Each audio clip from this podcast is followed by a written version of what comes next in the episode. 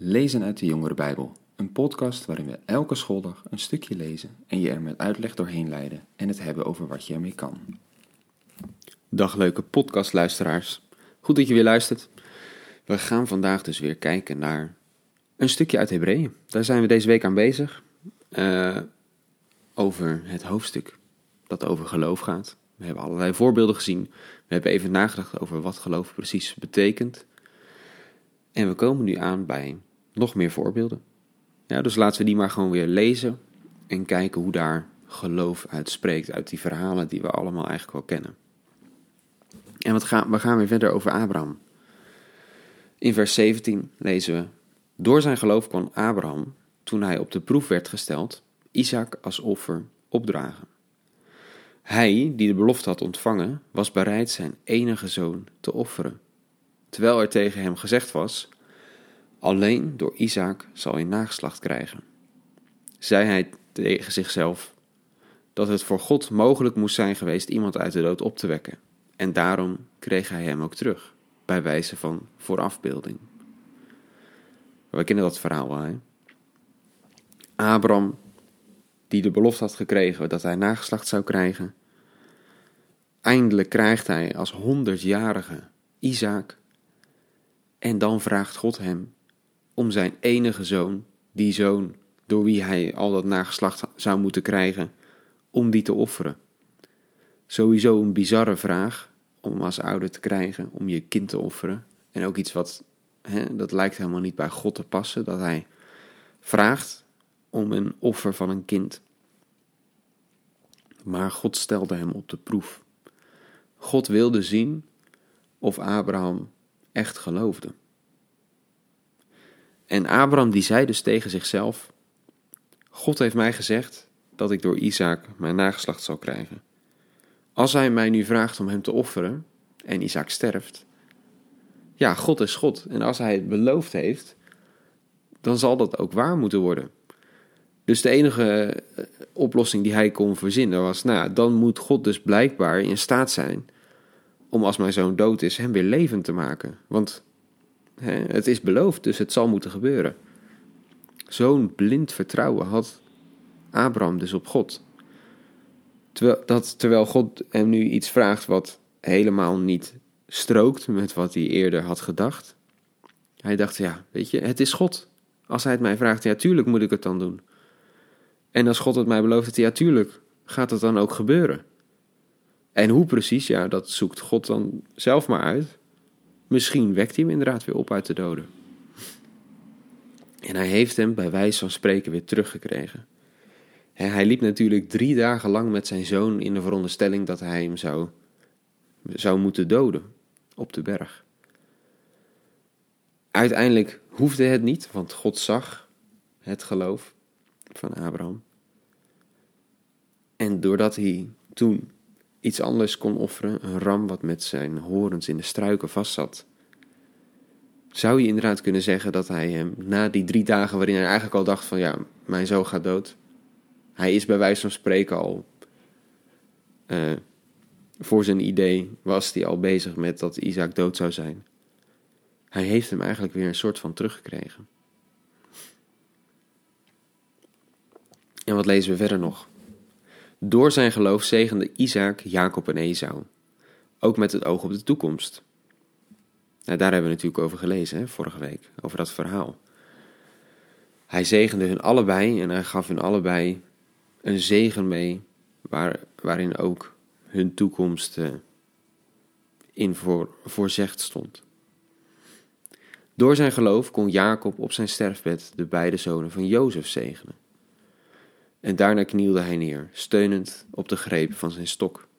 Door zijn geloof sprak Jozef aan het eind van zijn leven al over de uittocht van het volk van Israël en gaf hij opdracht zijn gebeente dan mee te nemen. Je ziet steeds in die nakomelingen hè, eh, dat zij steeds opnieuw die belofte doorgeven aan hun kinderen. We horen van Isaac dat hij zijn zonen, Jacob en Esau, zegende en ook de belofte doorgaf dat het land eens voor hun zou zijn. En Jozef, Jozef die aan het eind van zijn leven in Egypte was. Die wist, het land is aan ons beloofd, dus we zullen terugkeren. Hij wist niet wanneer, hij wist niet hoe, maar hij wist, God heeft het beloofd aan mijn voorvaderen. En God is God, dus hij zal het doen. Daarom zei hij dus aan het eind van zijn leven: Als we teruggaan naar dat land, neem dan mijn botten mee, want ik moet in het land uiteindelijk begraven worden. Ook daaruit sprak dus zijn geloof. En nog meer voorbeelden. Door hun geloof konden Mozes' ouders hem na zijn geboorte drie maanden verborgen houden. Ze zagen dat het een mooi kind was en waren niet bang voor het bevel van de koning. En door zijn geloof weigerde Mozes, toen hij volwassen werd, aangesproken te worden als zoon van een dochter van Farao. Liever werd hij even slecht behandeld als het volk van God, dan dat hij, eh, dan dat hij vluchtig voordeel had bij de zonde.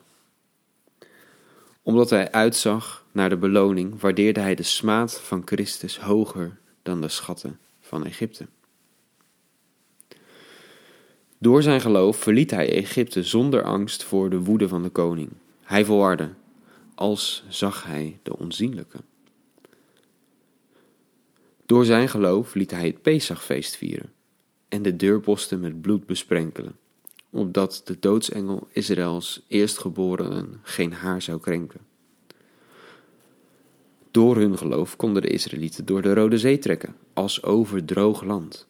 Toen de Egyptenaren dat ook probeerden, werden zij verzwolgen. Door dat geloof vielen de muren van Jericho toen het volk er zeven dagen lang omheen was getrokken. Door haar geloof ontving de hoer de verkenners gastvrij in haar huis en is ze niet met de ongehoorzame inwoners van haar stad omgekomen. je ziet, we gaan zo het hele verhaal langs wat we in Genesis en Exodus kunnen lezen. Al die gebeurtenissen. En hoewel het in die verhalen zelf niet zo heel duidelijk naar voren komt, wordt ons hier achteraf verteld dat het allemaal om geloof ging. Die ouders die Mozes konden verbergen, drie maanden lang, het was door geloof. Doordat zij iets in dat kind zagen en dachten: hier heeft God een plan mee. Daarom verborg ze het en waren ze niet bang voor de koning. En Mozes, die een rijk leven had, die kon. Uh, die had uh, gewoon zijn leven kunnen leven in alle rijkdom. Die had uh, zichzelf kunnen laten aanspreken op zijn titel die hij had, omdat hij door de dochter van Farao was grootgebracht. En er staat, hij deed dat niet. Want hij wist waar hij vandaan kwam, dat hij een Israëliet was. Hij kende de beloften. En dus heeft hij, was hij liever onderdeel van het volk dan dat hij zich op zijn voorrechten en titel liet aanspreken. En hij is gevlucht voor de koning. Veertig jaar lang is hij ergens anders geweest, maar er staat, hij volhardde. Alsof hij de onzienlijke zag. Alsof hij God kon zien en kon zien dat God die belofte had. En als hij dan uiteindelijk weer terug is en het volk bevrijd is, dan krijgen ze bijvoorbeeld de opdracht om bloed aan de deurposten te smeren. Een rare opdracht. En hij doet dat. En het volk doet het omdat zij geloofden in God en wat gezegd was dat zou gaan gebeuren. En zij werden allemaal gered. En zij trokken door de Rode Zee. Dat moet natuurlijk ook een beangstigend iets zijn geweest. De zee, die in één keer als een soort muren van water gaat staan, een pad er doorheen. Ja, ga daar maar eens doorheen lopen. En het volk deed het, uit geloof. En Jericho, een enorme, versterkte stad, God zegt: ga er maar omheen lopen. En ze deden het, omdat God het zei. En de muren vielen. En Rahab, die in die stad woonde, zij wist dat ze verkennis in huis haalden, de verkennis van Israël, van de vijand eigenlijk. Maar zij zei al tegen hen dat ze al die verhalen over hun God had gehoord. En dat het dus voor haar beter was, dat het voor haar logisch was om hen te helpen. Want die God, daar geloofde zij ook in. Allemaal voorbeelden van geloof. Van het woord van God aannemen en daar je keuzes op baseren. Hoe gek die misschien ook zijn, of hoe tegengesteld aan wat andere mensen zouden doen.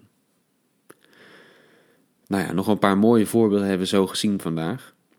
En morgen doen we het laatste stukje. Tot dan.